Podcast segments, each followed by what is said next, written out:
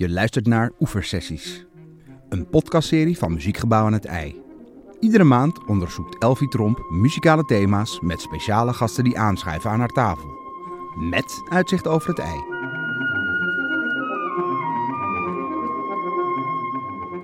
Jarig zijn in 2020 is voor veel mensen wat minder feestelijk dan anders. Ik weet niet of u al zo'n Zoom-verjaardag hebt meegemaakt, maar het is toch behelpen hoor, dat proosten via het scherm. Maar ja, goed, elk feestje is er één. En in deze podcast gaan we deze aflevering de verjaardag van Beethoven vieren. En als hij een schildpad was geweest, dan was hij nu 250 jaar geworden. Maar wij vieren hem hier in Muziekgebouw aan het IJ gewoonweg zijn menselijke geboortejaar. Het is Beethoven wat de klok slaat hier, want in december, januari en februari zijn er behoorlijk wat concerten om hem te eren en te vieren. En feestjes vier je niet alleen, dus zit hier aan tafel met mij voor de verjaardag van Beethoven op gepaste afstand Lonneke van Stralen, violist en oprichter van rebellencollectief Pinarello. En zij staat met Pinarello in januari in Muziekgebouw aan het IJ om Beethoven te lijf te gaan. Lonneke, laat je horen. Yes! Kijk, de sfeer zit er goed in. Ook naast mij Marlijn Kerkhoff, schrijver en muziekjournalist van andere De Volkskrant en het boek Alles begint bij Bach. Hij staat samen met violist Miro Verkammen en pianiste Dina Ivanova komende februari hier in het Muziekgebouw met het programma over Beethovens Kreutzer Sonate. Nou Marlijn, nu aan jou de eer. Ja. Goed, fijn dat jullie er zijn, jongens. Want uh, ik durf het eigenlijk niet toe te geven aan jullie. Maar ik ben eigenlijk die persoon op het feestje die een beetje via via is meegekomen. Ja, ik ken Beethoven, zijn klassiekers, uh, zijn markante krullen. Maar ik voel dat ik hier vandaag eigenlijk nog veel meer van hem kan leren. En ik hoop dat jullie het me gaan vertellen. Ik weet niet hoe het is in de muziek, maar als schrijver denk ik vaak bij een bestseller-auteur ah, dat zal wel niks voor mij zijn. Dat is zo mainstream. En uiteindelijk hè, koop je dan zo'n bestseller, ga je het lezen en denk je, oh, dat is echt heel erg goed. Um, is, dat, is dat bij Beethoven ook zo? Dat je, ja, hij is zo'n instituut eigenlijk. Ja, is Beethoven een. Uh, Beethoven is de, zeker een uh, bestseller-auteur. Echt de Saskia Noord van zijn tijd. Uh, wat is je vraag ook alweer? nou ja, laten we vertellen van hoe kwam jij uh, met hem in aanraking? Was je al meteen een liefhebber vanaf de eerste noot die hoorde? Dat je dacht, oh, wauw. Ja, dat is, ik, ik krijg die vaak best wel vaag. Uh, niet, niet in eerste met Beethoven, maar met, met klassieke muziek. Van uh, ja, waar begon het en zo. En de, ik weet het oprecht niet echt. Want ik heb wel pianoles natuurlijk gehad, maar, niet, maar ik ben eigenlijk nooit aan Beethoven toegekomen. Ik was gewoon veel te lui en het, recalcitrant. En het, ik op een soort vrij schoolmanier kreeg ik pia pianoles. maar ja, het is wel zo dat ik ja, in mijn jeugd al, ja, Beethoven, de, je ontkomt daar natuurlijk niet aan. Je, eh, je, kan zeggen van, nou, ik, eh, ik ken hem niet, maar je kent natuurlijk heel veel wel. Omdat het gewoon in populaire cultuur, onder films zit. Uh, ja, uh, tekenfilms. Je ontkomt niet aan Beethoven. En je bent eigenlijk al, al geconditioneerd misschien om Beethoven, om, om een beetje van Beethoven te houden. Is dat voor jou ook zo, uh, Lonneke? Ja, zeker. Uh, ik dacht meteen even, wat was dan mijn eerste kennismaking met Beethoven? Maar ik denk toch uh, uh, de film met de hond. Oh. En daarna... Um, Welke film met de hond? Ja, Beethoven. Beethoven. Oh, Beethoven de hond, of course. Ja, ja oké, okay, ik ben er ook. Ja hoor. um, toen was ik nog wel heel erg klein. En de eerste kennismaking met zijn muziek in mijn eigen vingers, dat was de Frühlingssonate. Maar toen had ik al wel best wat jaren vioolles. En eerder had ik Beethoven niet uh, aangereikt gekregen. Dus dat uh, was echt een hele mooie kennismaking. Ja. Laten we het straks hebben over uh, Beethoven op de viool. Daar ben ik ook heel erg benieuwd naar. Maar eerst zou ik als beginner van de podcast willen horen van jullie. Wat zou je aanraden voor iemand die helemaal nog nooit van Beethoven heeft ja. gehoord? Nou ja, sowieso de. Ja, hij heeft, het, het, zijn oeuvre is in zekere zin ook best wel overzichtelijk. Want hij heeft uh, negen symfonieën gemaakt. Nou, dat, dat, is nog enigszins behapbaar. Ik bedoel, bij Haydn uh, zijn het al 104, dan weet je ook echt niet waar je moet beginnen. Die negen symfonieën zijn er dan ook een paar die, die net nog wat bekender zijn dan de andere. De derde, de Eroica, dat is denk ik echt, uh, ja, dat is gewoon een perfect stuk in zoveel opzichten. En natuurlijk de negende met dat koor. Alle mensen weer de broeder. Dat is zo'n apotheose en zo'n opbouw. Dat is wel echt, uh, echt te gek. Je moet nu kiezen. Welke gaan we luisteren? Tot maar drie. Alright, let's take it away.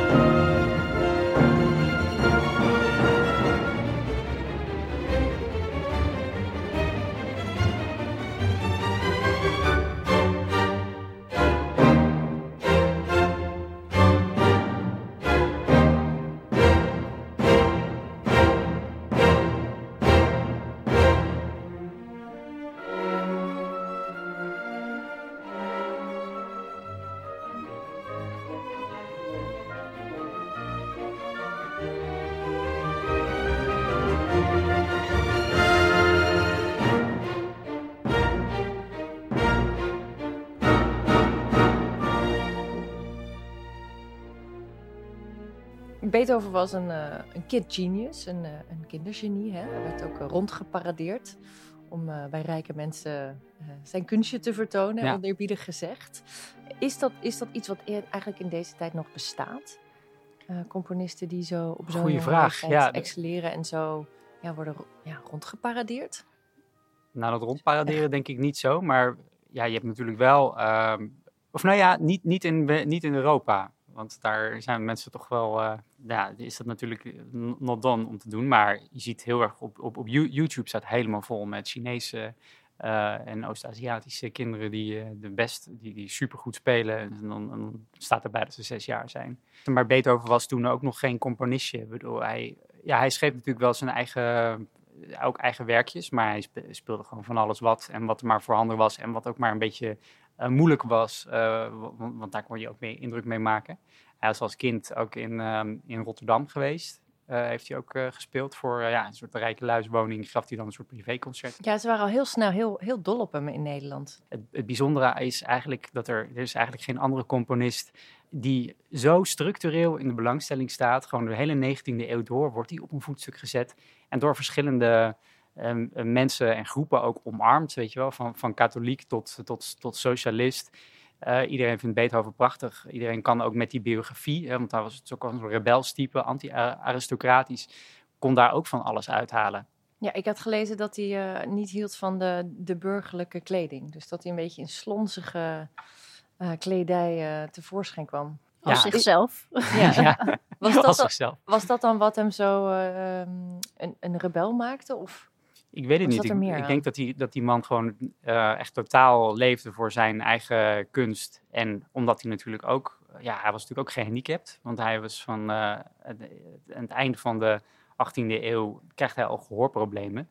En aan het eind van zijn leven is hij nagenoeg doof.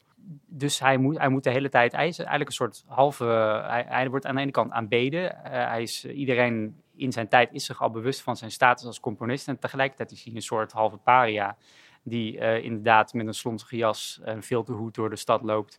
En met wie je moet communiceren via schriftjes. Want anders dan ja, heb je geen gesprek met hem. En ja, een enorme driftkop, dus... Eigenlijk het klassieke kunstenaarstype, hè? Zo romantische, moeilijke, robuuste... Ja. Ja, hij schijnt voor zijn, voor zijn omgeving wel heel uh, lief en warm geweest te zijn. Dus dat, dat is ook een beetje ambivalent eigenlijk. Ja, de meest interessante mensen zijn natuurlijk de de veelkantige mensen onder ons. Mhm. ja. je, je, zei net al van uh, romantisch kunstenaar. Dat is ook iets wat wij natuurlijk graag uh, zijn gaan zien. Want al in de 19e eeuw uh, dat er eigenlijk een soort ideaal ontstond van dat een kunstenaar zich eigenlijk niet eigenlijk moest blijven ontwikkelen. En nou, dat heeft, daar beantwoordde Beethoven natuurlijk heel goed aan. Want die, die dingen die hij in de laatste jaren van zijn leven maakte, zijn wel echt heel anders dan in het begin. Ja, het begin van zijn leven um, sloot ook meer aan misschien bij, bij Haydn en Mozart. En dat waren ook veel meer dienaren van het hof. Hmm. Dus die schreven ook uh, in opdracht. En bij Beethoven kwam er eigenlijk uh, langzaamaan ook een emotionele betekenis in zijn muziek. En dat uh, hoor je denk ik ook wel extreem in zijn late werken. Wat, wat zou je dan aanraden? Misschien de grootste Fuge of zo? Ja. Want wat is dan de emotionele betekenis die hij daarin heeft gelegd?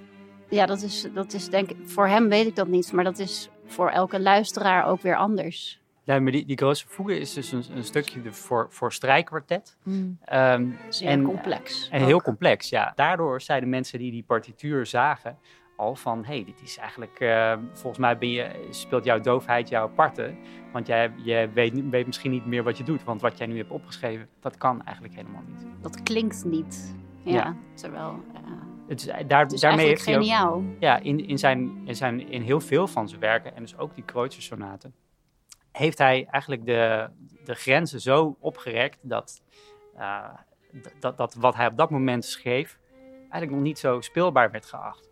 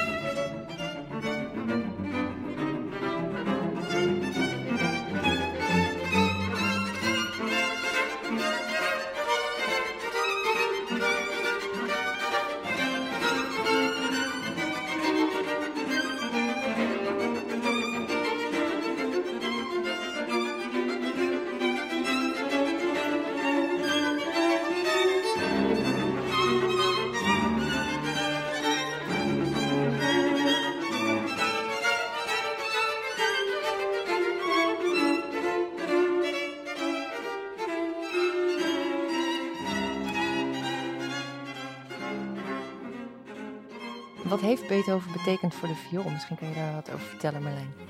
Wat heeft hij betekend voor de viool? Ehm, nou, sowieso heeft hij het allermooiste, uh, althans, ja, oké, okay, Tchaikovsky, Brahms, Sibelius, ik weet het ook wel, maar het mooiste, sorry, uh, vioolconcert geschreven. Uh, mee eens. Mee eens, oké. Een echte violist zegt dat, is het er mee eens. Mhm. En, en dus tien sonates voor piano en viool. En um, oorspronkelijk was de sonate voor piano en viool, wat we nu dus tegenwoordig vaak een vioolsonate noemen, daar, daarin was de viool eigenlijk maar een soort lijntje in de piano. Eigenlijk was het een soort kleurtje bij een pianosonate. Dus als jij de uh, sonate voor piano en viool van Mozart hoort, dan hoor je ook echt van, nou, dit is uh, een mooi een kleurtje. Die, dit is vooral de pianist die uh, hard aan het werk is. Nou, dat is een beetje gechargeerd misschien, maar... en bij Beethoven verandert dat. En zeker dan bij die Kreutzer-sonate, de negende, uit 1803, dan krijgt eigenlijk de, de viool eigenlijk ook een beetje een soort. Uh, nou, die, die, die wordt eigenlijk bevrijd, geëmancipeerd. Die sonate die begint zelfs met viool. Um, en het is eigenlijk bijna een soort concert en een sonate in één. Dus daar krijgt de violist eindelijk zijn sterrenstatus zoals we hem nu ook kennen. Exact. Oh. Lonneke, uh, je zei, uh, ik kreeg Beethoven eigenlijk pas laat aangereikt. Hoe, hoe oud was je toen jij Beethoven begon te spelen? Nou ja, laat, dat is natuurlijk relatief. Ik begon met viool spelen toen ik zeven was. Ik denk dat ik ehm, op mijn eh, twaalfde of dertiende de Frühlingssonate mocht spelen. En daarna volgde er gelukkig nog veel meer repertoire. Ja, inmiddels heb ik heel wat noten geraakt van Beethoven.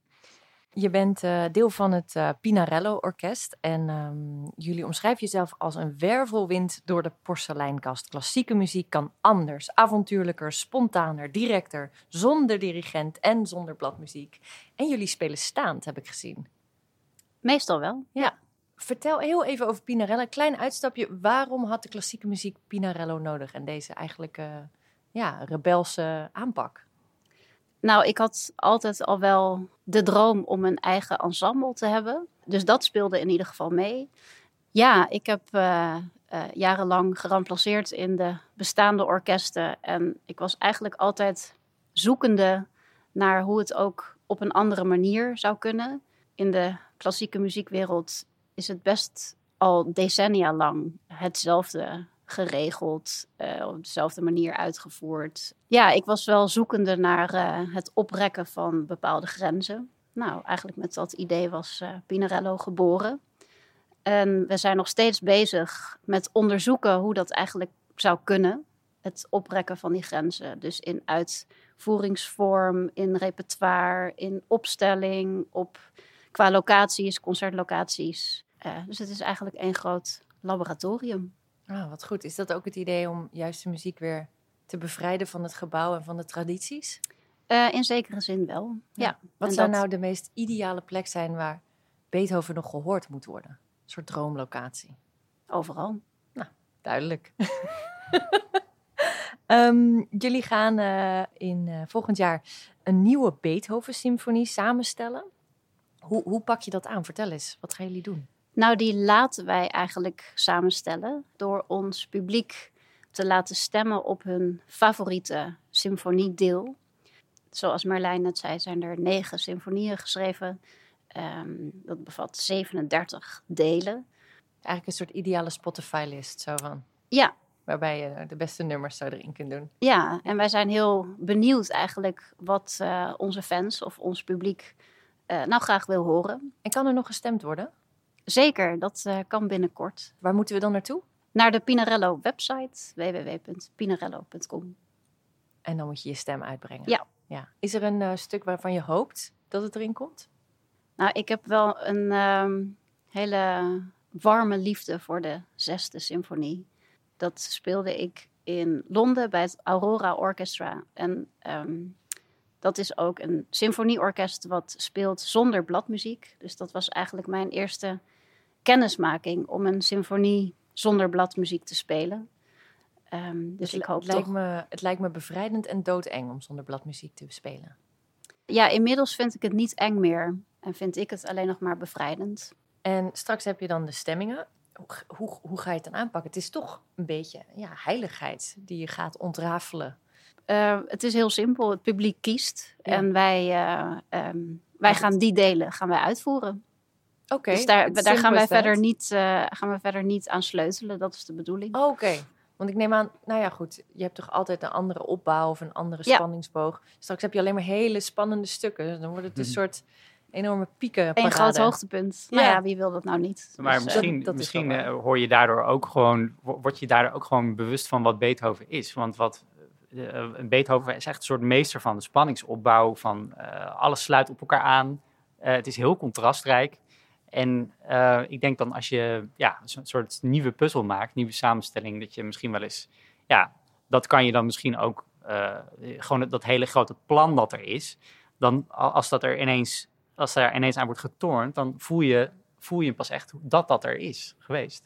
Ja, nee, het wordt zeker in een, nieuw, maar in, een, in een nieuw daglicht eh, gesteld. Ik, Zeker. ik heb het idee dat dit niet veel gebeurt in de klassieke podiumkunsten. Klopt dat?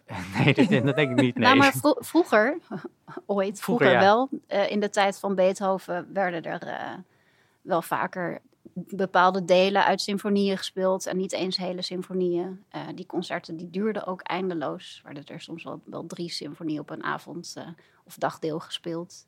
Nou ja, dat is ook weer iets wat wij dan heel graag onder de loep willen leggen. Waarom gaat het nu al decennia zoals het gaat? En ehm, ja, kunnen wij daar verandering in brengen? Marlijn, prikkelt jou dit als muziekjournalist? Je denkt, oeh, wat gaat dit worden? Ja, ja, dat denk ik wel. Want ik bedoel, ik denk sowieso, ik ben het ook, ik ben het ook helemaal eens met, eh, met Lonneke dat er nog wel enige opschudding eh, mogelijk is. Ik bedoel, ja, eh, waarom zouden we alle, allemaal al, al die partituren op dezelfde manier benaderen? En eh, nee, dus ik, eh, ik, in principe dit, eh, dit initiatief lijkt me inderdaad hartstikke leuk. Ik ben wel heel erg benieuwd naar ja, de werkwijze van Pinarello. Dus ik wil heel veel stukje luisteren ook. De symfonie nummer 4, deel 1 van Beethoven.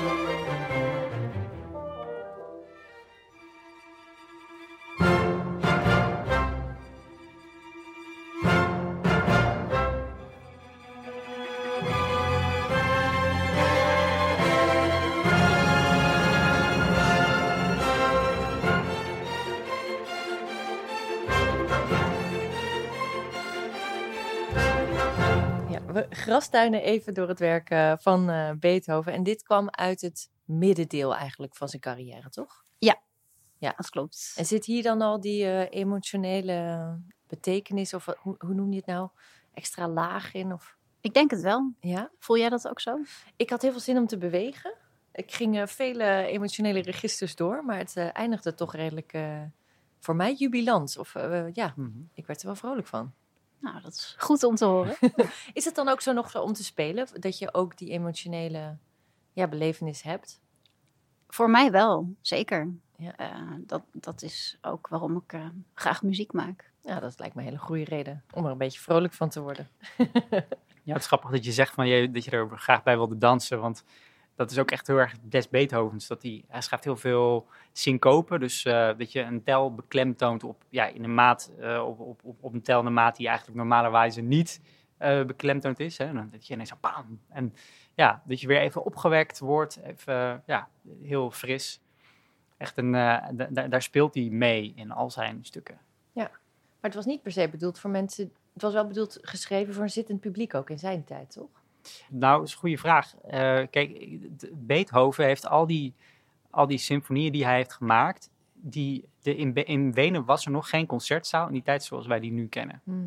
Dus eh, ze zijn eh, in, in balzalen gegaan en in achteraf kamertjes eigenlijk, zoals nu, kleinere ruimtes. En de, ja, sommige mensen hebben gezeten, sommige mensen hebben gestaan. Dat zag er echt heel anders uit dan, ja, dan nu in het muziekgebouw in het ei. Maar er mocht dus wel bewogen worden. Ja, er werd gegeven, Ja. er werd gedronken, heen en weer gelopen. Oh, het zag er, het was, Ja. het was lang niet zo, eh, het publiek was lang niet zo stil als nu. Zou dat jouw droom ook zijn voor Pinarello? Dat, ze, dat het publiek ook staat en doet? Ja, en dat moedigen we ook altijd aan. Eh, leef je uit, laat je horen. Sommige mensen voelen zich vrij om eh, na een deel te klappen of te roepen. Dat gebeurt ook wel eens. Maar ehm, eh, nou ja, in de bestaande concertzalen is dat soms nog een beetje spannend. Not voor het eh, traditionele publiek. Ja, snap ik, snap ik. Ehm, Merlijn, nou, we kennen je als journalist, als schrijver, als eh, Beethoven-kenner nu. Eh, maar je staat over een paar maanden ook op het podium. Wat, eh, wat ga jij doen met de Kreutzer-sonaten? Ja. Nou, het idee is dus dat het een soort ja, interactief college, vind ik, is, is niet echt het woord. Maar ja, lecture recital heet het in het, in het Engels. Maar ik wil, wel- ook wel een beetje ja, goed interactie met de zaal. Maar het gaat er, eh, om lang verhaal kort te maken, ik vertel over de, de Kreutzer-sonaten en over Beethoven. En ik probeer hem een klein beetje tot leven te wekken. Eh, dat, is wat, dat is mijn taakje. En dan heb ik daar bij mij, ehm, of, of eigenlijk ben ik het aanhangsel in deze, eh, Merel Verkamme, violiste, en Dina Ivanova, pianiste. Zij spelen dan uiteindelijk die hele Kreutzer, maar al van, tevoren kunnen we eigenlijk die sonaten een klein beetje ontleden met elkaar. Dus het, het is leuk als je, als je zegt, ja, wat is er nou moeilijk aan, eh, aan, aan, die Kreutzer? Wat is er nou echt ver- vernieuwend aan dat bijvoorbeeld Merel of Dina dat dan meteen kunnen laten horen? Weet je wel, meteen iets voor kunnen spelen. Dus dat als je, die, als je dat stuk dan in zijn geheel hoort, dat je dan meer hoort tijdens het luisteren. Dat vind ik wel leuk. En wat valt jou op aan de Kreutzer-sonaten? Dat er zoveel in zit. Dat het echt een. ehm, kijk, bij die symfonieën is het moeilijk om er één te kiezen waarvan die, die hem het meest dierbaar is. Of waarvan je zegt van dit is de beste. Maar bij die tien sonates voor piano en viool is het wel echt duidelijk.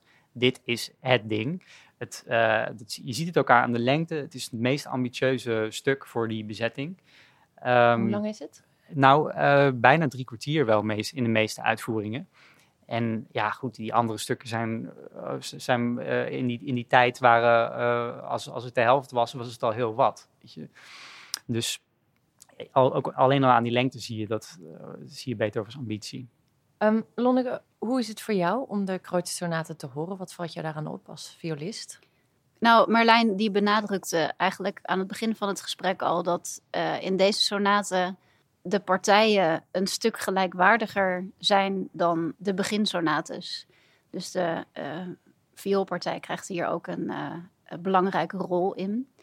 Ja, voor mij springt deze sonate er wel, wel uit. Nou ja, ook qua technisch oogpunt om het onder de knie te krijgen. Ja, dat is toch wel eh, een uitdaging.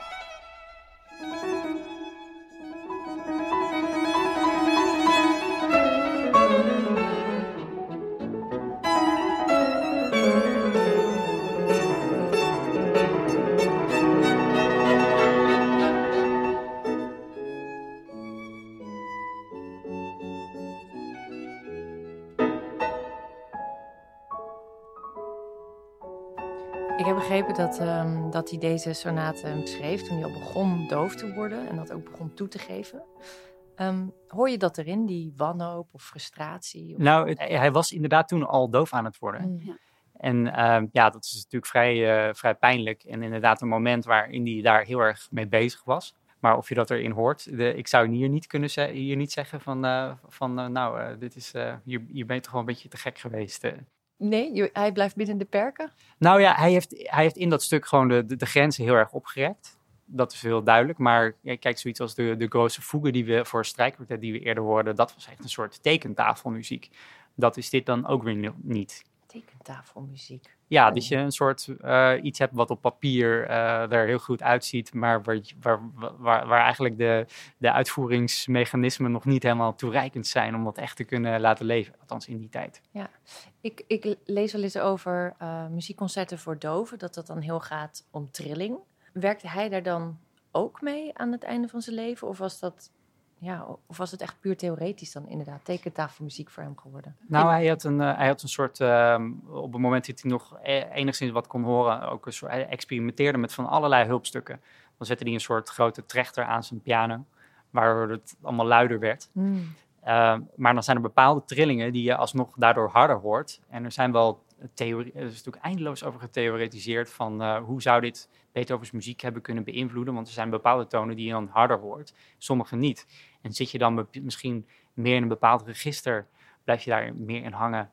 eh, omdat je eh, bassen misschien beter inderdaad voelt dreunen dan, dan die hoge tonen. Dat, dat, dat zou kunnen. Maar het, ja, we weten het niet. Dus uh, nou, het is wel, denk ik, een interessant vraagstuk of hij zo'n grote voegen op die manier had geschreven als die nog wel heel horend uh, geweest zou zijn. Absoluut. Dus dat is denk ik sowieso met het hele oeuvre uit zijn dove periode uh, een vraagstuk. Maar ja, dat zullen we nooit weten. Net zoals met de gekte van Vincent van Gogh en zijn werk. Was het zijn geestelijke onstabiliteit of was het echt de genie van het werk dat het zo sprekend maakte? Ja. ja. Laten we het nog een beetje hebben over die, over die rebellie. Want nou ja, daar stond hij toch onbekend van hem. Die bijzonderheid daarin. Zou je hem kunnen vergelijken met een muzikale rebel van nu? Of is dat moeilijk te zeggen? Pinarello is behoorlijk rebels in hun aanpak.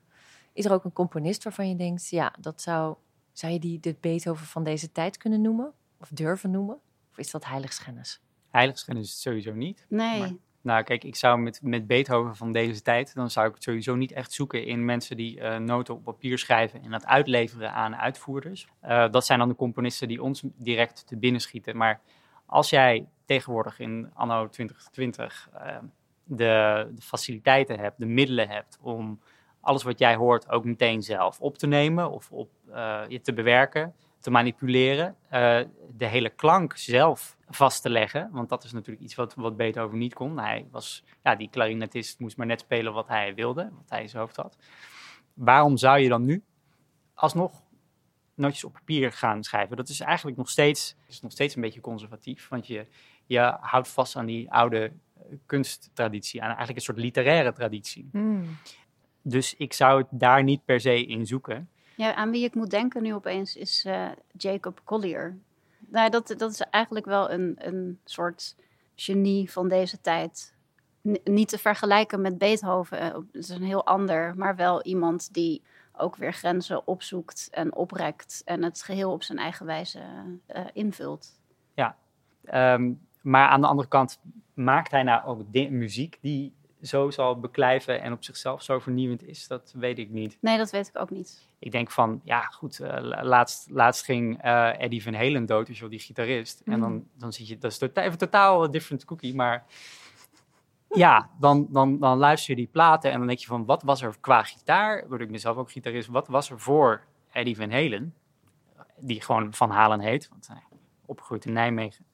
Um, ja, dat, dat was echt anders. En dan zie je van, ja, dat, dat is eigenlijk veel meer, veel meer Beethoventje dan, uh, dan Jacob Collier. Oh, Oké, voer voor discussie hier. Heel goed. Ja, ik vind het wel leuk om een stukje te laten horen. Dus we zullen even kijken of dat we wat hebben. Um, Eruption, die, die gitaarsolo met al die tapping, die arpeggios.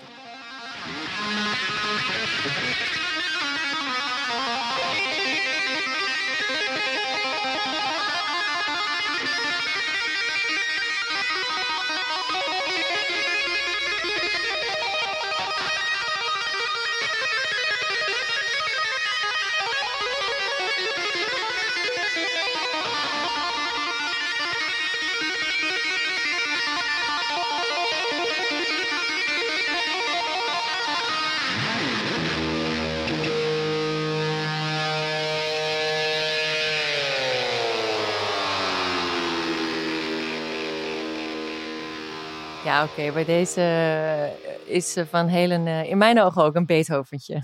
Nou, fijn. Want dit is... Uh, dit is geslaagd, Marlijn. Ja. Ik ben bijna klaar om die verjaardag dan echt te gaan vieren. maar laten we nog een heel klein beetje hebben over de invloed van Beethoven op moderne componisten. Want op het Beethoven Weekend staan drie nieuwe composities, geïnspireerd op zijn werk. Beethoven 250 Weekend moet ik zeggen. Is die muziek van Beethoven nu nog modern te noemen. Hij wordt soms wel eens geprezen als een soort tijdloze klassieker, zoals nou ja, bestseller-auteurs ook vaak worden geprezen. En dan denk ik altijd, ja, wat betekent dat eigenlijk? Is die nog modern? Nou ja, is het belangrijk dat iemand nog modern is? Ik denk als uh, zijn muziek nog steeds geluisterd wordt en interessant gevonden wordt, warm wordt onthaald, dat lijkt me genoeg. Waarom moet het modern zijn? Goeie vraag, goeie vraag. Ja. ben je het daarmee eens? Of zeg je... Ja, ik, met Beethoven heb ik... Um, aan de ene kant is het... Kijk, Beethoven is de laatste uh, supergrote componist ook... waarvan we eigenlijk ook geen foto hebben. Hij staat daardoor ook vanzelfsprekend iets verder van ons af. Maar eigenlijk, het begon in, kijk, wat we nu klassieke muziek noemen, de tijd van Mozart, Haydn en Beethoven als sluitstuk daarvan. En dan begin, la, laten ze in de boekjes ook een beetje de romantiek daarbij beginnen. Eigenlijk is Beethoven, hij ging natuurlijk dood in 1827. Toen reden er ook al treinen. Maar eh, toen waren er ook al fabrieken, weet je wel. Dat, het, het is eigenlijk een componist die zijn tijd lijkt veel meer op die van ons dan we soms neigen te denken. Hmm. En in die zin, ja, zijn, zijn tijd was een tijd van grote omwentelingen. En dat hoor je in die muziek. En ja, omwentelingen zijn er nu nog, alleen hebben we dat vaak natuurlijk minder in de gaten. Hij hoort er gewoon bij. Punt uh, uit. Uh, ja, sorry, ik ga een beetje af. Maar... dat sowieso. Uh, in december klinkt er hier een weekend lang strijkkwartetten van Beethoven in het muziekgebouw aan het IJ. Wat is jullie persoonlijke mening over die strijkkwartetten? Eerlijk zeggen. Nou ja, daar zitten eigenlijk ook heel veel verschillende stijlen in van zijn kwartetten aan het begin en zijn uh, latere strijkkwartetten. Zijn latere strijkkwartetten kunnen soms klinken als uh, bijna als moderne muziek. Ik hou eigenlijk van alle strijkkwartetten van Beethoven. Dus als je eigenlijk de strijkkwartetten luistert van A tot Z, dan heb je een goed overzicht van, nou ja, zijn, zijn kunnen en zijn diversiteit. Ja, zeker. Ja. Sluit je je daarbij aan? Ja, dat is helemaal waar. Wil je nog een laatste afsluiter over nou, ik vind die, de, die grote vroeger, weet je wel. Toen, ik dat voor het eerst hoorde, dacht ik ook wel van, uh, van je vroeg, ja, eerlijk zeggen, vond ik dat ook wel een soort van moeilijk. En dat, was, dat is eigenlijk een soort meer van acquired taste. Dus die laten dingen, ja, daar, daar word je zelf als luisteraar echt wat meer op de proef gesteld. En dat is ook leuk. En aan de andere kant is er dan zo uh, ook, ook uit die late periode die, die cavatina. Ja. ja. dat is natuurlijk, dat gaat er dan weer in als koek, weet je wel. Ja. Dat, is, uh, is dan zo mooi, zo welluidend. En die twee naast, dat, dat, naast elkaar, dat is ook, ook gewoon het contrastrijke wat Beethoven tot Beethoven maakt. Jongens, ik uh, weet het zeker. Ik kan met jullie zonder schaamte mee naar zijn verjaardag. Dus uh, ik zou zeggen, laten we het vieren. Laten we er naartoe gaan. Gefeliciteerd Beethoven. Dit was Oeversessies. Like, abonneer en deel die podcast. Sterren, recensies. Ik ben er dol op. En zo worden we beter gevonden en beter beluisterd. Lonneke van Stralen is met haar rebellencollectief Pinarello te zien op 9 januari hier in het Muziekgebouw aan het IJ. Als ze Beethoven naar haar hand zet in een samengevoegde symfonie. En op 2 februari hebben we Marlijn Kerkhoff hier te zien als verteller in het programma over Beethovens Kreutzer. Samen met violiste Merel Verkammen en pianiste Dina Ivanova. En het Beethoven 250 weekend met de laatste strijkkwartetten van Beethoven is van 11 tot 13 december. En nou ja, ik zou zeggen, uh, wij hebben nu door uh, Beethoven gegrastuind. U kunt grastuinen door de programmering en dat kan op de website muziekgebouw.nl. En in de show notes zie je alle muziekstukken die we hier in de podcast hebben gedraaid. Tot luisters, tot hoors en uh, tot het volgende feestje.